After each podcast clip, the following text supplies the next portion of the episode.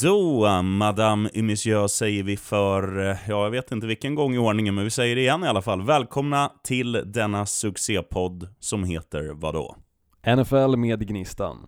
Och med lilla mig, Sheriffen. Mm. Gnistan Olsson. Yes, hur är läget, Sheriffen? Det är fattigt. Det är, det är Ja, det de sjunger på hipp hipp, slut på kontot, det är liksom ja. en, en underdrift. Det är mer slut än vad som är möjligt på ett konto. Det, det, är, det är Lyxfällan slut med nu. Kan man säga. Ja, härligt. Men, men hur många gånger egentligen, sheriffen, har du någonsin sagt meningen Fan vad bra det går med ekonomin just nu? Aldrig. Jag tror under tiden som vi har lärt känna varandra, och som vi har känt varandra, så jag har aldrig hört dig säga meningen nu har man fluring på kontot, utan det är alltid minus, det är alltid back. Ja, och nu är det, nu är det värre än någonsin. Jag ska, jag ska eh, inte tråka ut alla lyssnare med, med liksom ekonomipodden, men i snabba drag, vi hade nyårsfirande här, eh, där mm. jag och Majsan bor på våran lilla ranch. Det var 13 pers som var här. Och när 13 pers ska duscha och klubba ur och sånt när man har egen brunn, då tar det slut på vatten. Så oh. att det, tog, oh. det tog slut på vatten och vi var tvungna att ha vatten för det finns ju också hästar som bor här. Eh, Just det. Så då var vi tvungna bland att ringa... Bland annat Winnie, ATG-hästen. Ja, bland annat Roger, eh, också Jaha. hunden. Eh, så då kommer då en jourhavande gubbe ut och eh, fixar och trixar lite. Och vi får igång vattnet i kranarna men inte i toaletterna, så vi fick då ta vatten från kranarna och spola ner eh, ja, skitkorvarna med. Klassiska eh, knepet. Det roliga eh, och, knepet. Och sen går vi upp på partylogen, och sen ska det vara lite fest, och då säger det kabuff, så går strömmen. Eh, och vi behöver ju då eh, värmefläktar där uppe för att överleva, och mm. de håller på i köket här inne och lagar mat, så att eh, den där potatisgratängen, den fick ju liksom värmas upp inte bara en, inte bara två, utan tre gånger, för att strömmen går senare igen, när, efter att vi har haft en elektriker här som har fixat det. Och sen vill man ju då att muggen ska funka, och vi tänker då att ja, men vi ger det här tid, eh, så att det, det funkar, och sen, nej, det funkar ju inte. Så vi ringer någon tjomme, någon VVS-are, och säger Hej farbror, vi har eh, muggar som inte funkar. Ja, ehm, det är ju en röd dag idag va, så att eh, för eran ekonomis bästa så är det nog bättre att jag kommer imorgon. Så att han eh, kommer då imorgon se igår. Ja, eh, och eh, sen frågar jag så här, me mellan tummen och pekfingret, du har varit här tre gånger nu, vad tror du kalaset kommer landa på? Ja, 15, fem, mellan 15 och 17 tusen. Så att det var ett bra nyår när man redan är nollad på kontot. Fy fan, men alltså var, varför från början lät ni alla komma dit och duscha innan liksom? Alltså varför kunde de, de inte duscha hemma? Eller typ, det hade ju varit billigare för er del. Nu, nu är det i och för sig att tänka i efterhand såklart, sheriffen, vilket man alltid känner att man är smartare när man gör. Mm. Men ni hade ju kunnat egentligen betala inträde in till ett badhus för allihopa att göra sig i ordning inne på omklädningsrummen i badhuset. Ja, vi kruxar ju bara att vi bor tre mil ifrån närmsta badhus. Eh, Sant förvisso, sen, det, sen det är i och för sig en poäng. Sen har ju majoriteten av människorna sovit över här och då när man när man vaknar upp bland ölburkar och hundskit, då, då vill man gärna duscha av sig. Ja, jo så är det. Jag, jag förstår får, den. Man får lära sig av sina misstag, det är bara oh. betala, betala och gå vidare i livet. Mm, jobbigt sheriffen. Jag, jag känner verkligen med dig. Alltså för, för som sagt, alltså, mitt nyår var ganska lugnt. Alltså, vi var visst på en fest, men med tanke på att eh, Nelson, hunden då, det var hans första nyår, så försökte vi ta det ganska chill med alkoholen och finnas där för honom och se till så att han har det bra med tanke på alla fyrverkerier och sånt där. Så, så för min del så kostade nyår knappt en spänn egentligen och jag har fortfarande kvar 12 bärs som eh, jag hade med mig till nyår. Oh. Vilket säger en del om hur mycket jag drack då. Så, mm -hmm. så som sagt, eh, för, för, min del kanske är lite åt andra hållet istället. Det går faktiskt bra just nu med ekonomin också. Nice. Så det är Hur skönt. gick det för hunden då? Jo men det gick ju faktiskt jäkligt bra. Eh, Nelson var lugn och fin och det klarade nyår som, som han skulle. Nu känns det som att vi har kommit in på ett helt annat spår än vad vi faktiskt ska prata om. Alltså, ja, vi har pratat... vad, vad är det för podd egentligen? Ja exakt, det är lite det jag känner. Är det Sheriffen och Gnistans, vad ska man säga, eh, vardagslivspodd? Eh, nej, utan det är såklart eh, NFL vi ska snacka om. Ingenting mm. annat egentligen även fast vi ofta kommer in på mycket annat, så, så är det NFL som vi har som primära fokuset i den här podden. Eh, och jag tänker att innan vi egentligen skjuter vårt intro, som vi så klassiskt brukar göra, så tänker jag att du ska få dra dina takeaways ifrån vecka 17 först, sheriffen. Mm. Eh, då har jag en, en liten takeaway som är, ja, självklar. Det är ju att Miami Dolphins, de, deras låt börjar ju liksom funka nu. Miami has the Dolphins, the greatest football team. För tittar man på vad de har gjort på slutet så är de ju fan fantastiska. Och det som hände i helgen, det var ju helt sinnessjukt. De det var alltså, magiskt, det var magiskt. De möter alltså New England Patriots på bortaplan, ett Patriots mm. som inte, trots att de liksom har vunnit divisionen och allt sånt här, inte vilar någon spelare, för de vill ju ha bästa möjliga ranking inför slutspelet. Så att Tom Brady, eh, Joel Edelman, Sonny Michel, alla spelar. Eh, men vad händer? Jo, Miami Dolphins, de spelar, och de spelar som gudar. De vinner den här matchen med 27-24, och alltså, jag tycker det är så häftigt att, eh, alltså, i början av säsongen så hade de ett ganska okej okay lag på pappret. De hade absolut inte ett bra lag, de hade ett okej okay lag. Sen tradar man bort Minka Fitzpatrick, då hade man ett sämre lag. Kenyon Drake, hej hej, Arrivederci, då hade vi ett ännu sämre lag.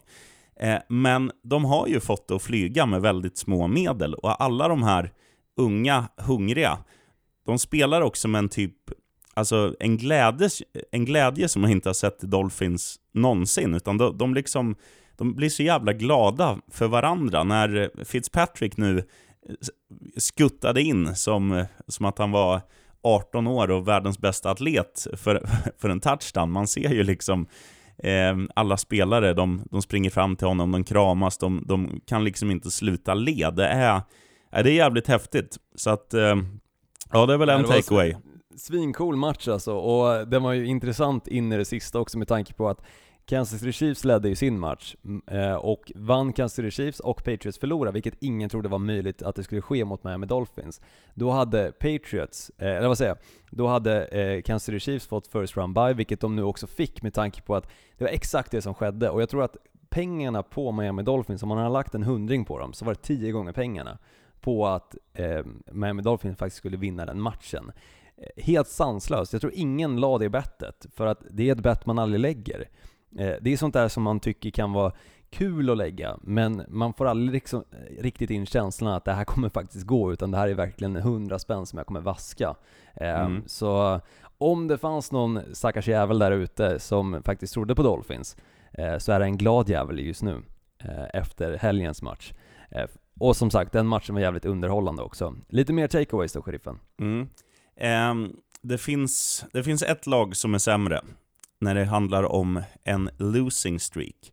Eh, det är Detroit Lions, de ska vi inte nämna. Men Carolina Panthers, de avslutar... De började ju förra året urstarkt också.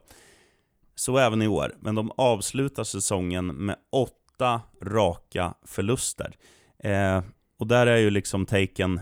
Alltså varför lär man sig inte av sina misstag? Tittar man på många andra lag som det blir liksom inte samma återupprepningar, utan i Detroit, eller i Carolina Panthers fall, jag förstår inte vad som händer, för så dåliga är inte de här. De ska aspirera på en wildcard-plats till slutspelet, Eh, och nej, uff, bedrövligt.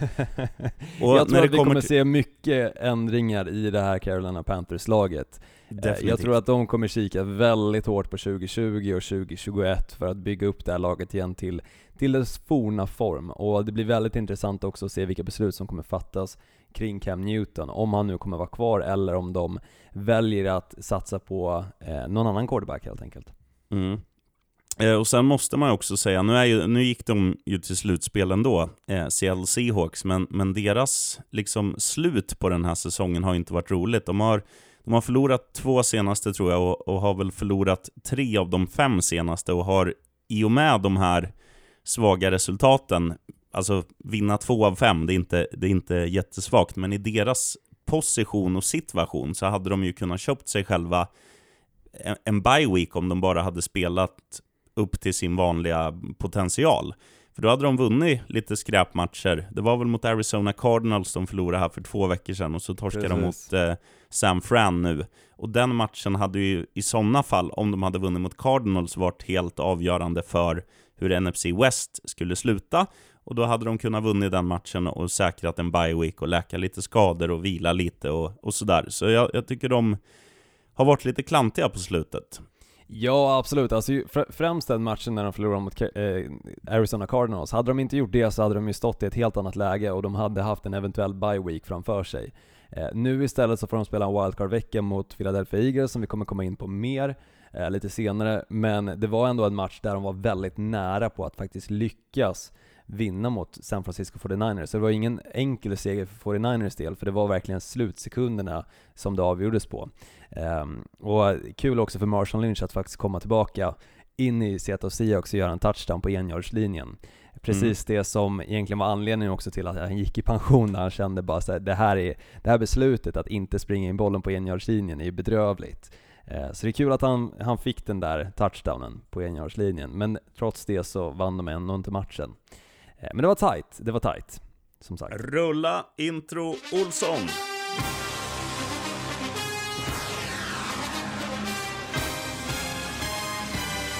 They're gonna feel that vibe, I promise y'all. They're gonna feel it. We're good. Snakes are out the way. Are we good? No, we good. Oh, he's thrown out of bounds over on the far side, and there's a couple of penalty flags. This is totally out of control. Så, då var vi tillbaka i studiovärmen och eh, innan vi går in på um, slutspelsmatcherna så vet jag att du vill snacka lite rookies bland annat. Ja, jag kommer till dem alldeles strax, men först måste vi snacka, med tanke på att ordinarie säsong är över, så är det ju väldigt många som får sparken, då snackar vi främst headcoaches. Oj, oj, oj. Eh, lag som inte som har gått, rullar. Huvuden rullar, det kan man definitivt säga. Eh, än så länge så har tre huvuden rullat. Jag tror inte att vi kommer att få se fler huvuden som rullar dock, eh, utan de här Eh, huvudena kommer förmodligen att rulla till nya destinationer istället. Eh, men jag snackar Pat Shermer, eh, head coach i Giants, har fått dojan efter att ha lett Giants till ytterligare ett topp 10-pick i draften. Eh, sen Freddie Kitchens, head coach i Browns, fick även han dojan efter en misslyckad säsong. Och Jason Garrett, den personen som de flesta är så less på hans applåderande på sidlinjen, har äntligen eh, ja, lämnat Dallas och Dallas Cowboys. Mm. Ehm, så jag tror vi kommer att föra ganska mycket med eh, framtidsutsikterna för Dallas, att de kommer att vara ljusare nästa år. Men det återstår att se. De har ju än så länge inte anställt någon ny headcoach. Eh, och det är ännu inte helt bekräftat, ska jag säga, den här situationen med Jason Garrett på NFL.com. Eh, utan det är CBS som har gått ut med det och det är eh, Fox som har gått ut med det. Eh, så som sagt, ännu inte bekräftat av NFL.com och inte heller bekräftat av Dallas Cowboys. Men det verkar som att Jason Garrett inte kommer att återvända till Cowboys. Nej, och det är väl sen, helt rätt. Till, jag tycker jag det är helt rätt, absolut. En snabb kommentar på de andra två dönickarna. Jag, ty jag, tycker det är ganska hårt mot Giants-coachen att sparka honom. Visst, 4-12 det är en dålig säsong. Men tittar man på deras förutsättningar... 3-13 förra året, det var inte heller den bästa säsongen. Nej. Du hade Molde Beckham Jr. Eh, visst, de hade Eli Manning som inte spelade sin bästa säsong överhuvudtaget. Eh, men de har ändå haft många förutsättningar på plats. De hade eh, second overall pick eh, och draftade Saquon Barkley och sen med deras sjätte overall pick förra året så draftade de då Eh, eller i år menar jag, eller nej det blir faktiskt förra året med tanke på att vi är inne i 2020 nu. Fan det måste man ju komma ihåg nu också. Eh, nej, så då draftade de ju eh, Daniel Jones också. Så de har ju haft två stycken höga picks de senaste två åren, men ändå inte lyckats fått laget att flyga mer än nej, fyra, men... 12. Men man, man måste ju fokusera på att de har ju gjort Giants till ett bättre lag, de har inte gjort dem till ett sämre lag. Det är ju Absolut, snarare, är det. snarare mm. alla runt omkring som, som har Eh, presterat alldeles för dåligt. Så att, äh, det är bara, jag, jag hade, hade jag varit Giants, liksom den som ja, fattar de besluten, så hade jag inte sparkat honom. Men vår vän Freddie Kitchens i Cleveland Browns, det är ju, måste vara den sämsta människan någonsin att, att leda ett amerikanskt fotbollslag. För det ska inte gå att vara så dåliga med ett sånt bra lag på pappret. Punkt och zlut! Nej, det håller jag med om. En som dock har fått en ny chans är Ron Rivera, tidigare headcoach i Carolina Panthers. Han är ny headcoach i Washington Redskins. Han var alltså headcoach i Panthers under Cam Newtons MVP-kampanj när de gick till Super Bowl och när Newton också blev Offensive Rookie of the Year. Vilket om man tittar på vem Washington Redskins har som quarterback så är det Dwayne Haskins, så förhoppningsvis så kan Ron Rivera coacha honom åt rätt håll. Eh, och det tror jag definitivt att han är rätt man eh, för jobbet att göra. Så eh, jag tycker det kommer bli intressant att se Washington Redskins nästa år, för de har många pusselbitar på plats. De har en sjukt bra wide receiver i Terry McLaurin, också en rookie receiver. Ehm, och de har också andra spelare, till exempel Darius Geis, deras running back, som är väldigt effektiv när han väl är frisk. Eh, så förhoppningsvis så kan de få det här laget att faktiskt flyga med Ron Rivera i spetsen. Bra, bra take på det, absolut. Sen eh, tar inte jag rygg på att de har ett intressant lag, men absolut, jag, tror, jag tror som du säger att eh, det, är, det är en smart, eh, vad säger man, smart acquisition det är en smart headcoach också. Eh, han har ju uppenbarligen gjort rätt i Carolina Panthers, men visst efter två nu säsonger där det har gått käpprätt åt helvete efter halva, halva säsongen så är det ju såklart att Carolina Panthers eh, för sina fans del och för organisationens del måste gå vidare från en eh, headcoach som inte har eh, lyckats bibehålla den här framgången då.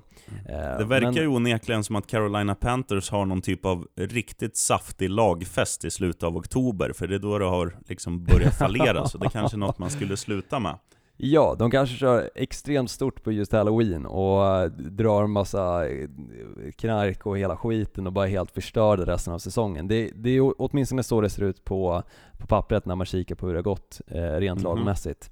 Eh, men som sagt, det är det som har hänt eh, i NFL i dagsläget. I övrigt så är det ju bara att blicka framåt, för nu är det ju wildcard-veckan vi är inne i. Och det är ju en av de mest intressanta veckorna med tanke på att just wildcard-lagen är ju inte alltid de lagen som lyckas ta sig till Super Bowl. Men det är de lagen ofta som kan skrälla och göra roliga skrällar på så sätt att de kan knocka ner till exempel första sidan, andra sidan eh, och eventuellt lyckas ta sig dit ändå. Så mm. jag älskar wildcard-veckan. Det är, det är en vecka av hopp, om jag säger så. Framförallt är det ju kul för att nu är det ju, det är det som, det, jag tror jag säger det varje år, jag som tittar alldeles för mycket på hockey. Då vet man ju så här, ja fan vi förlorar, men vi, det gäller ju att vinna först av fyra matcher. Och här är det ju liksom do or die redan från start, och det är ju det som är tjusningen tycker jag. Plus att eh, jag ska ge dem som sätter NFL-schemat eh, väldigt mycket cred också för att de lägger matcherna på olika starttider hela tiden, så man kan se varje match i sin helhet så länge man har kaffe eller whisky för att hålla sig vaken. Exakt, och eh, Nej, som sagt, slutspelet är en underbar tid. Januari är ingen dålig månad, även fast det för många är en fattig månad så kan det ändå vara en underbar månad, för slutspelet ändå är här. Mm. Men innan vi går in allt för mycket på wildcard-veckan så tänkte jag, som du var inne på sheriffen, eh, snacka lite rookies. Offensive Rookie of the Year. Tre.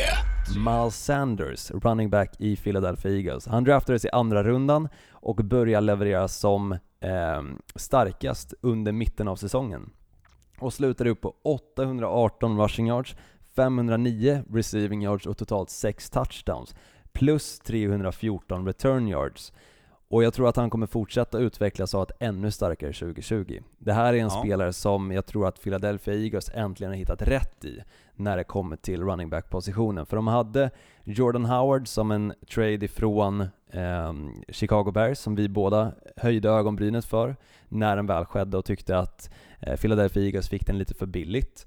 Eh, eller honom lite för billigt och sen så hade de ju Jay Ajayi under det här året då de tog sig till Super Bowl och faktiskt vann också. Men jag tror Miles Sanders kommer vara en spelare som vi kommer få se under en längre tid i det här Philadelphia Eagles och jag hoppas de utnyttjar honom som de gjorde nu i slutet på säsongen. Mm. Och All som de kommer utnyttja honom i eh, wildcard-rundan, men det tar vi då. Det tar vi då. En spelare som tyvärr inte kommer att få se ljuset av slutspelet är den som kniper andra platsen. Jag snackar Josh Jacobs, running back i Raiders. Han draftades i första rundan och hade varit ohotad på tapeten för Offensive Rookie of the Year om man inte hade skadat sig och varit borta i x antal matcher. Han kom upp trots hans skada i 1150 rushing yards och 166 receiving och totalt sett 7 touchdowns också och en av de starkaste offensiva spelarna i det här Raiders-anfallet. Och första platsen då, sheriffen. Har du en hint eller en gissning på vem det kan vara? Uh, ja, jag tror ju, eller jag tror inte att det är Daniel Jones, men jag hoppas att det är Daniel Jones. Nej, det är tyvärr ingen quarterback som hamnar med på den här listan. Eh, jag kikar en hel del såklart under året på Kyler Murray, men tyckte att han hade både eh, svaga som starka prestationer eh, och jag tror att hans kommande år kommer vara bättre än vad det här året var. Jag tror att de kommer fortsätta bygga på det här anfallet som, som de nu har kring Kyler Murray och Men Kenyon du, då vet jag vem du har. Ja. Är det vår vän Devin Singletary i Buffalo Bills? Nej, jag vet inte var du får all din rookie-statistik ifrån sheriffen, men det finns en rookie som har verkligen stått ut i Eye-test. år. Eye-test. Jag snackar A.J. Brown, wide receiver i Tennessee Titans. Han kommer få spela slutspel och han draftades i andra rundan. Och efter att Ryan Tannehill klev in som quarterback i Titans ökades förtroendet för Brown, Brown avsevärt. På 52 receptions, sheriffen, nästan en tredjedel av Michael Thomas, så kom han upp i 1051 receiving yards, alltså över 20 yards per catch. Och nio stycken touchdowns. Och det är lika många som Michael Thomas också. Eh, Så årets Offensive Rookie of the Year enligt mig, A.J. Brown, Tennessee Titans. Bra val. Och då kommer vi till det största av det alla. Wildcard-veckan, sheriffen. Ska vi ta matcherna i turordning? Det är väl smartast? Jag tycker vi kör på det. Eh, den första matchen är då Buffalo Bills borta mot Houston Texans. Matchen börjar 10.35 på lördag. Den här matchen tycker jag är ganska svår att predikta vilket lag som kommer vinna, för att kikar man på till exempel Texans, de har ett av ligans sämsta försvar, vilket såklart talar positivt för Buffalo Bills offensiva sida med Singletary och Allen i spetsen. Men Bills anfall har ju varit allt annat än produktivt under säsongen och är rankat i bottenskiftet istället. Eh, Jo, så jag tycker det är en man- väldigt svår match får att predikta. Ja, jag, det är klart att eh, hade man vetat allt så hade man varit multimiljonär nu och inte behövt jobba Såklart. om man hade haft rätt hela tiden.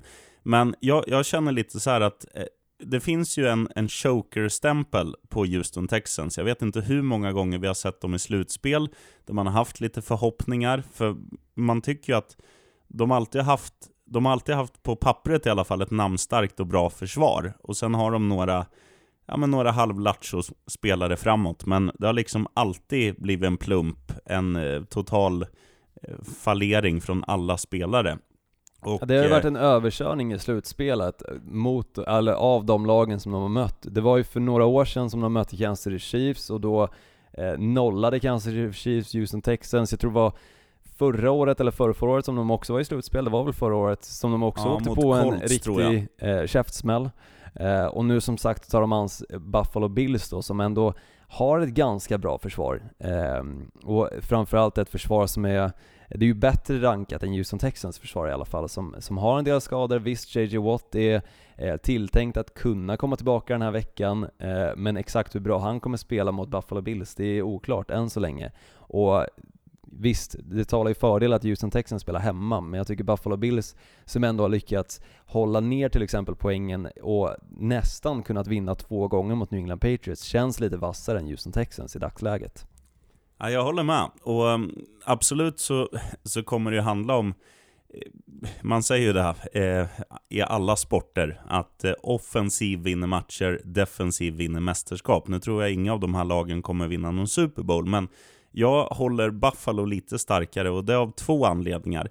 Dels så tycker jag att, eh, som du var inne på, att deras försvar är bättre. Och jag tycker också att i varenda match den här säsongen så har de liksom alltid varit med. Även när de har vunnit, det har inte varit några blowouts, utan de har, de har liksom fått en vana tror jag, eh, tack vare att man har spelat väldigt många jämna matcher. Och där man eh, fler gånger än färre, säger man så? Ja, det kanske man gör. Eh, har stått Ja, på rätt ja. sida, vinstkolumnen. Alltså att man har vunnit väldigt många av de här jämna matcherna.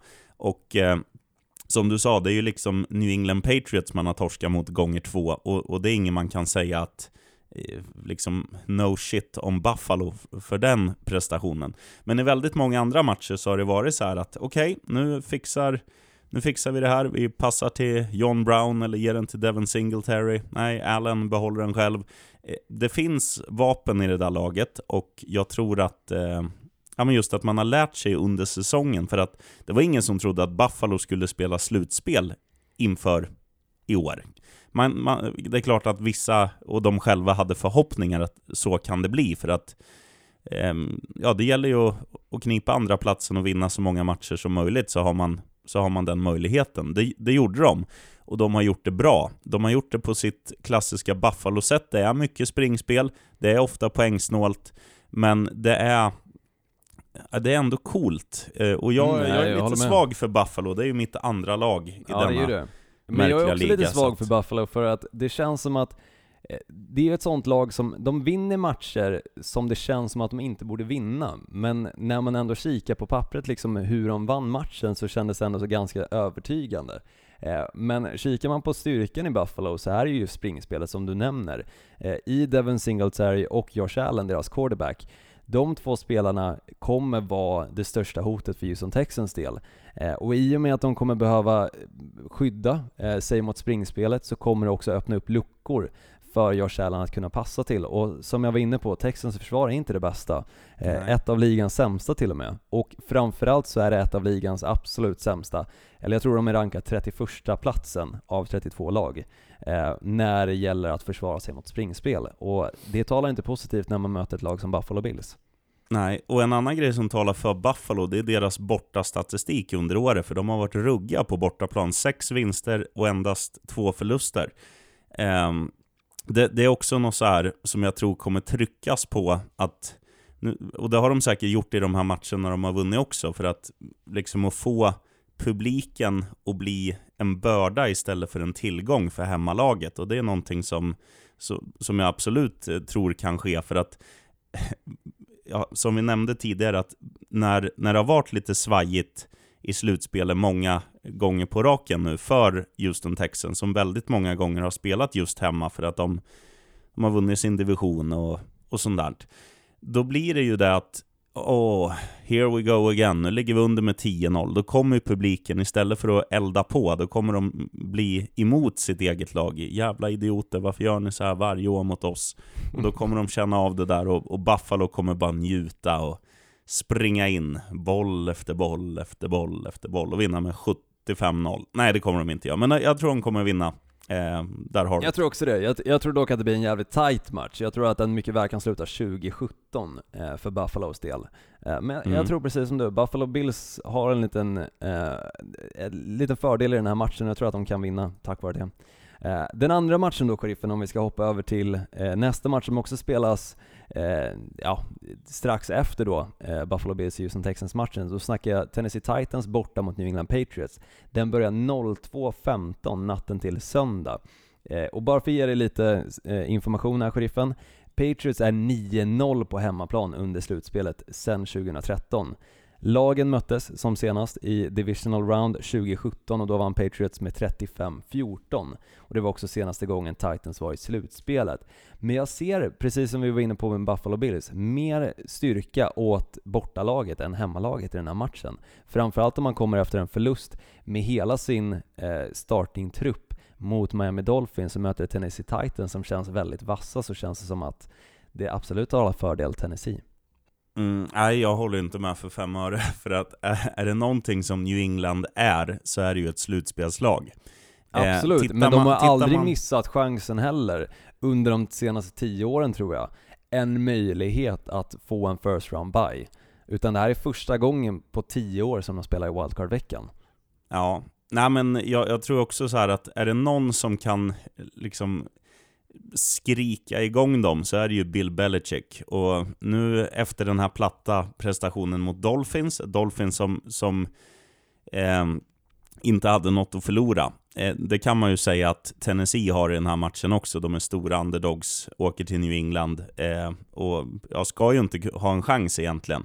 Men eh, jag tror att Bill Belichick är så smart han är så rutinerad och han vet exakt vilka punkter han ska trycka på hos de här gamla gubbarna för att de ska göra sitt jobb. Och sitt jobb är att vinna den här matchen. Sen ja, hoppas alltså... jag att Tennessee vinner, men jag, jag, tror jag har svårt att se att, att New England ska, ska göra två väldigt bleka prestationer efter varann. Jag förstår den biten och bitvis håller jag med om det. Det går aldrig att räkna ut Patriots när det kommer till slutspelet. Men jag tycker verkligen under hela säsongen, en genomgående eh, grej som vi egentligen inte har sett tidigare säsonger, är att Tom Brady inte spelar på samma nivå som han har gjort tidigare. Det är en helt annan Tom Brady vi ser i år. Eh, och det känns inte heller som att deras springspel riktigt har kommit igång, deras passningsspel har varit eh, bedrövligt från deras receivers håll också, att de inte har riktigt kunnat bryta sig från eh, försvarsspelarna och bli öppna för Tom Brady att kunna passa till, utan han har behövt slänga lite klantiga bollar för att det har varit den enda möjligheten för dem att eventuellt kunna ta sig, ta sig framåt. Med det sagt så tycker jag att just Tennessee Titans känns, som sagt, lite vassare i just den här matchen. För att de har Derrick Henry, de har sjukt bra springspel i honom. De har A.J. Brown som är en otroligt bra receiver. Och sen har de flera andra receivers också som är väldigt duktiga. Eh, och deras försvarsspel är inte det sämsta heller. Så jag tycker att det finns många fördelar, förutom att de spelar som, såklart Foxborough eh, under slutspelet. Eh, så tycker jag ändå att det är ganska många fördelar Tennessee Titans. Jag tror på Tennessee i den här matchen. Jag tror att de jag knockar, hoppa... knockar ur. Eh, och faktiskt slå hål på den här eh, dynastin. Eh, nu när vi kliver in i 2020. Eh, ett nytt årtionde kommer att inledas med ett slutspel där endast vi får se New England Patriots i en match och inte fler. Jag hoppas på Tennessee, men jag tror Patriots. Och eh, anledningen nu, jag, jag, tror att man har en lite för bra bild av Tennessee med tanke på matchen de gjorde nu senast eh, borta mot Houston Texans. Ett Texans som vi, vilade typ varenda ordinarie spelare eh, och hade liksom egentligen ingen motivation. De var klara eh, de var klara för att spela hemma i wildcard-rundan. Tennessee var tvungna att vinna, det är klart de gav allt och det gör att siffrorna ser lite bättre ut. Men tittar man lite, alltså så här, det är klart att sen de fick in Ryan Tannehill istället för Marcus Mariota så har de levlat upp en nivå. De är bättre nu. Eh, men nej fan, de gamla tjuriga gubbarna i Patriots vet du, de, de har gjort Tannehill det här förr har gjort det förr, han har vunnit mot Patriots förr. Kom ihåg eh, Miami Miracle, när det mm -hmm. skedde. Det kan ja, mycket det väl ske nu med Tennessee Titans. Det skedde förra veckan också, och även för ett år sedan. ja, exakt. Men Ryan Tannehill har ju mött New England Patriots förut, så jag tror han är ju definitivt en av de spelarna som inte kommer höja på ögonbrynet och känna någon större rädsla av att möta Patriots, även fast han spelar på Foxborough. Han har varit där flertalet jag tror, gånger. Jag tror, ingen, jag tror, inte att det handlar om att Tennessee kommer göra en dålig match och, och vara rädda, utan jag tror bara det handlar om att New England kan inte prestera lika dåligt som mot Dolphins nu igen. Det, det finns inte på världskartan. Och är det något som får de här gamla gubbarna att smörja in sig med extra hästliniment, då är det när det vankas slutspel. Du vet, det kommer lukta jänka på hela Foxborough, det, det kommer bli... Ja, de kommer visa att gammal äldst. Intressant att se den matchen. Jag kommer ju definitivt sitta uppe och kolla på den. Alltså, att antingen få se New England Patriots göra en bra match är ju såklart också kul, eh, men om det nu skulle vara så att dynastin faktiskt eh, tar slut här och nu, så vill jag såklart sitta uppe och se den matchen. Jag ber om ursäkt till alla Patriots-fans, men ni fattar nog vad jag menar. Man är lite less mm -hmm. på Patriots just nu. Till då första matchen på söndagen. Eh, Minnesota Vikings borta mot New Orleans Saints. Den spelas 9, eller vad säger jag? 7.05, 19.05 på söndag. Eh, returmötet alltså från eh, Minnesota Miracle från 2017. Ja, Väldigt det, intressant match. Det är intressant på så sätt att vi får se vilka domarna håller på den här matchen. Men jag tycker eh, om jag bara ska fatta mig väldigt kort, jag tycker New Orleans har blivit bättre och bättre. De har, eh, de har väldigt många fler ja, men, häftiga grejer för sig. Eh, nu de har pikat i helt på... rätt läge. Michael Thomas till exempel, de har Taysom Hill, eh, ja, quarterbacken Taysom som Hill. är allt. Eh, det vill säga, han kan vara försvarsspelare, returnspelare, allt kan han vara. Eh, den ja. snubben och de räds ju inte för att använda lite så speciella grejer, att han går in och tar en snap, eller han går ut som receiver och han... Alltså, de har väldigt mycket att laborera med i det där laget. Och sen, sen är det ju alltså en spelare som Alvin Kamara som är i grunden skitbra. Han har vi knappt nämnt den här säsongen. Jag tycker han har varit en ganska slät figur. Jag tror även han kommer att och tända till nu när det är liksom Ja, och han har ju också tänt till när det verkligen har räknats. De två senaste matcherna Eh, han har inte gjort en touchdown sedan vecka tre, men de två senaste matcherna, i bägge matcher har han gjort två stycken touchdowns. Så han har ju också varit en av de spelarna i Saints, precis som typ deras wide receiver-core och försvar, faktiskt har pikat i helt rätt läge. Mm. Så det är mm. verkligen ett Saints som kliver in med självförtroende på topp, Eh, de var extremt nära med tanke på att Green Bay inte spelade så speciellt bra mot Detroit Lions och låg under eh, större delen av matchen. Eh, så hade de också ett eventuellt läge att faktiskt kunna knipa eh, en vilovecka i år eh, inför slutspelet då. Men nu får de ändå spela eh, slutspelsmatch, eh, första wildcard-veckan, eh, och de möter Minnesota Vikings som jag tycker de senaste två veckorna inte alls har sett ut som samma lag. Visst, de vilar många av sina starters förra veckan, eh, så det var inte ett fullpotent Minnesota Vikings, men om inte Dalvin Cook, deras running back, eh, kommer kunna prestera på sin absolut bästa nivå, så kommer New Orleans Saints att köra över Minnesota Vikings tror jag. Och med de orden, som också var mina sista ord, så går vi till nästa match. det är skönt, vi är ganska överens ändå, förutom Tennessee Titans-situationen där. Eh, mm. Men vi får se hur den artar sig. Eh, sista matchen då, Seattle Seahawks borta mot Philadelphia Eagles. 10.40 på söndag börjar den här matchen. Yes.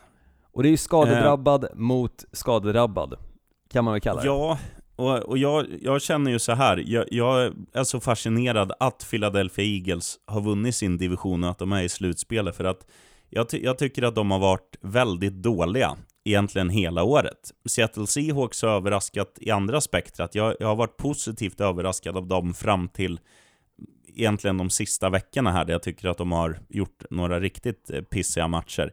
Men om, om, man bara ska dra säsongen i stort, så säger jag att Seahawks vinner trots att matchen spelas i Philadelphia här. Och eh, det, har, det har mycket att göra med att jag tycker att Russell Wilson är en bättre quarterback än Carson Wentz. Eh, Carson Wentz eh, inget annat. Eh, det har att göra med att jag tycker att de är liksom ett, ett bättre lag, fast de inte borde vara det. För att Eagles har ju, när de har en skadefri trupp, en bättre trupp än Seahawks, men de funkar inte som lag. Eh, Seahawks känns med Pete Carroll i spetsen som att han är väldigt duktig på att få ihop gruppen eh, och att de gör rätt saker varje gång. Det är sällan spektakulärt, men det är liksom Eh, ja, det är vinstgivande och, och, det är någonting det ska vara i slutspelet. Att man liksom, det spelar ingen roll hur du vinner, bara du vinner. Det är det som räknas och det kan Seahawks. Mm, nej, jag håller med. Och eh, alltså förra gången de här två möttes, det var vecka 12. Eh, då vann Seahawks med 17-9. Då hade de förvisso sina två, eh, tre running backs, det vill säga, som, som numera sitter på IR. Eh, och istället så behöver de då plocka in Turbin och eh, Marshall Lynch istället. Men, men trots det, jag tror ändå att Seattle Seahawks är lite av det starkare laget, för det känns som att eh, den här skadesäsongen som har varit för Philadelphia Eagles har knäckt dem eh, i så många matcher. Inte på så sätt att deras moral eller för den delen eh, deras vilja eh, har liksom svackat, utan snarare att de inte har kunnat göra de här spelen som annars Carson Wentz är ganska duktig på att göra. Eh, de har inte riktigt kunnat komma till den situationen där de har eh, känns helt och hållet som det potenta anfallet som man annars brukar se dem. Ehm, senaste matchen, jag tror att jag verkligen blev förundrad över Philadelphia Eagles och kände att det här är ett ganska vasst lag. Det var när de spöade eh, Green Bay Packers, jag tror det var vecka tre eller vecka fyra, mm. men sen dess har det varit ganska knackigt. och ett tag så trodde man att de var helt uträknade från slutspelet också. Eh, men trots det lyckades knipa sig, knipa sig fast i det. Eh, men, men, som sagt, jag tror, trots att eh, Seattle Seahawks spelar på bortaplan, så tror jag att de kommer vinna den här matchen. Jag ser det som det starkare laget. Och det tror jag de själva tror också, för de är, om jag inte missminner mig, 7-1 on the road this year. Mm, det kan nog stämma. Den statistiken har jag inte i huvudet, tyvärr, sheriffen. Jag har mycket statistik i huvudet, men inte all. Men nej, jag, jag tror att Seattle fixar det här absolut. Så mm. jag ser alltså Seattle, Saints, Titans och Bills. Eh, väldigt många bortalag. Det enda hemmalaget som jag tror vinner är alltså New Orleans Saints. Och jag säger Bills, eh, Bills, Bills, Patriots, New Orleans Saints och eh, Sjöhökarna från The Rainy City. Ja, jag känner att du säger Bills också lite för att du, eller hade du sagt Houston Texans så hade jag trott i och för sig att det var för att du var less på antalet räkningar som du har fått på senaste. Jaha. Nu säger du ändå Bills. Eh, sheriffen, innan vi rundar av det här avsnittet skulle jag vilja att du kör lite takeaways från säsongen. Eh, vilka som är lagen som du tycker har chockat absolut mest positivt och också negativt? Om jag ska ta en trojka-lag så är San Francisco 49ers det första lag jag skriver upp i positiv bemärkelse. Satan i gatan. Ja, Sen jag ska är jag med vara- det där. Wow. Sen ska jag faktiskt vara lite snäll mot dig och ta med Green Bay Packers, för att Tackar, du, tackar. vet vad jag, Yes. vet vad jag tycker om det här laget. Det är Ja, skit. vet. Men, Nej, men eh, det är ju inte nej, det. Nej, men jag tycker att de har ju överpresterat, och det måste ju ändå göra att, att man nämner dem i en positiv bemärkelse, för man ska säga Mm. det, de spelar i en ganska svår division. De förlorar bara tre matcher på hela säsongen. Och Eh, de är vinner väldigt- alla matcher i divisionen också, och det här Ja. har aldrig hänt med en rookie head coach, ska tilläggas.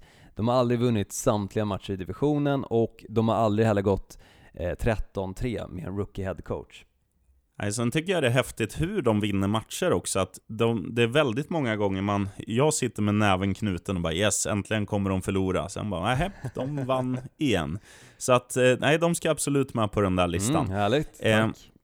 Och tittar man på, ja, det som är den största positiva överraskningen, det är ju Baltimore Ravens. Det går inte att säga annat. 14-2 i år. Eh, de gör det med ett, alltså en, en Lamar Jackson som är helt jävla briljant. Han har nu, ja, han är väl inte bland de bästa på att passa bollen, men alltså hans avvägning när han ska passa och när han ska löpa gör ju att de här inte går att stoppa. Han sen- måste bli MVP i år, jag säger det bara. Ja, ja. Han måste bli MVP. Och lägger man till liksom hur de, de inledde säsongen 2-2, så när de nu vunnit 12 raka matcher.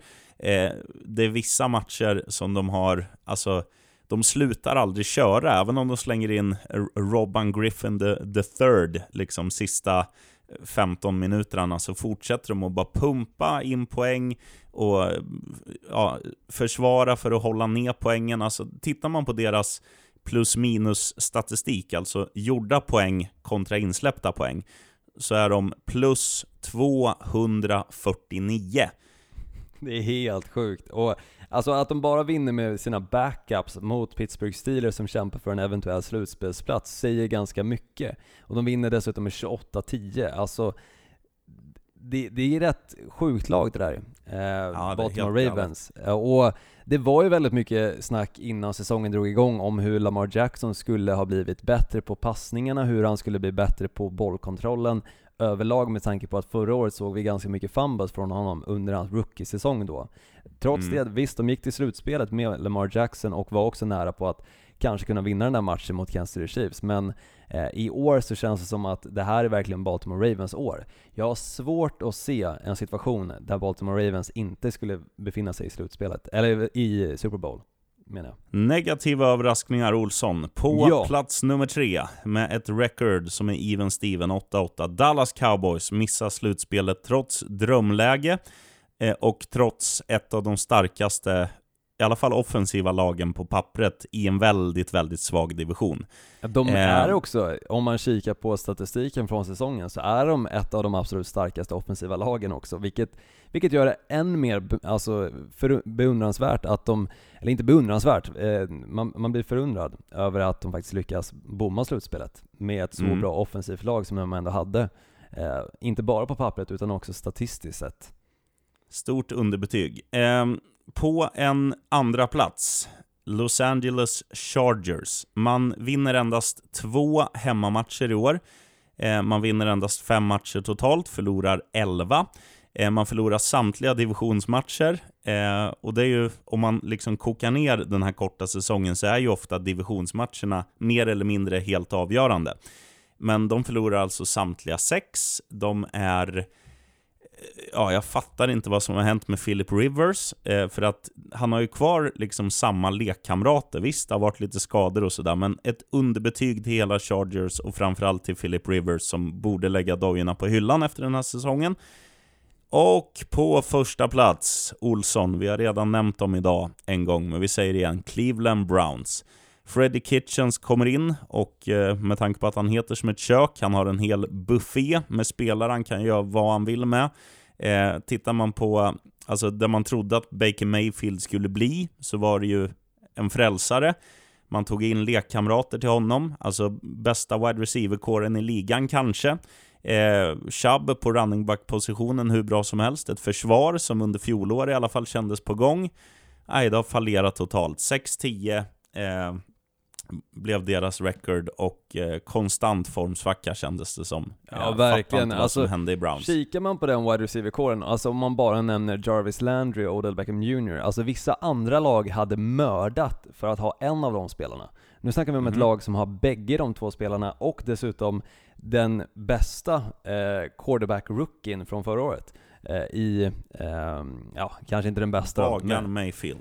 Exakt, i Baker Mayfield. Den bästa skulle jag ändå säga är nog Lamar Jackson, trots allt. Men Du, jag kom på en koppling som aldrig har gjorts. I alla Ja. fall inte i den här podden. låt höra. Att- Det borde ju ändå vara det borde ju ändå funka med tanke på att han heter Freddy Kitchens och den andra heter Bagarn. Att de borde kunna komma bra överens, men det har inte funkat.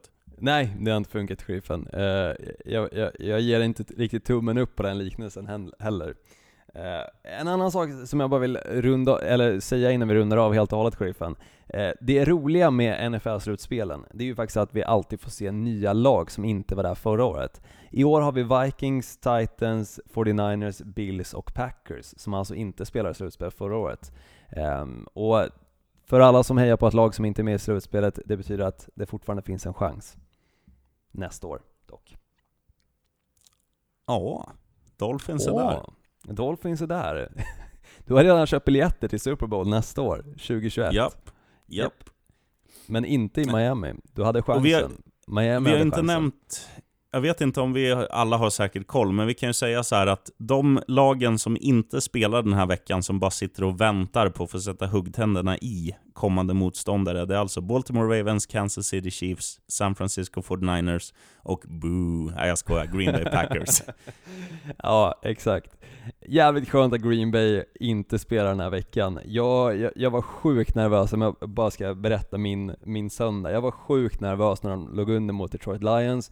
Eh, jag kunde inte prata med tjejen, jag ville inte titta på hunden, jag ville inte göra någonting annat än att bara följa den här matchen och se, se hur den artar sig. Och jag var så besviken och kände att det finns inte en chans i världen att Green Bay kommer vinna en slutspelsmatch om de spelar på det här sättet.